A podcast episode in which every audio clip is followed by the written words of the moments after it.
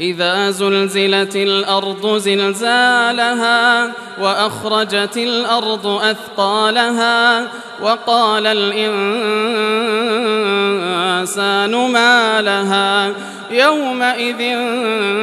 تحدث أخبارها يومئذ تحدث أخبارها بأن ربك أوحى لها يومئذ يصدر الناس يومئذ يصدر الناس أشتاتا ليروا أعمالهم فمن يعمل مثقال ذرة خيرا يره ومن يعمل مثقال ذرة شرا يره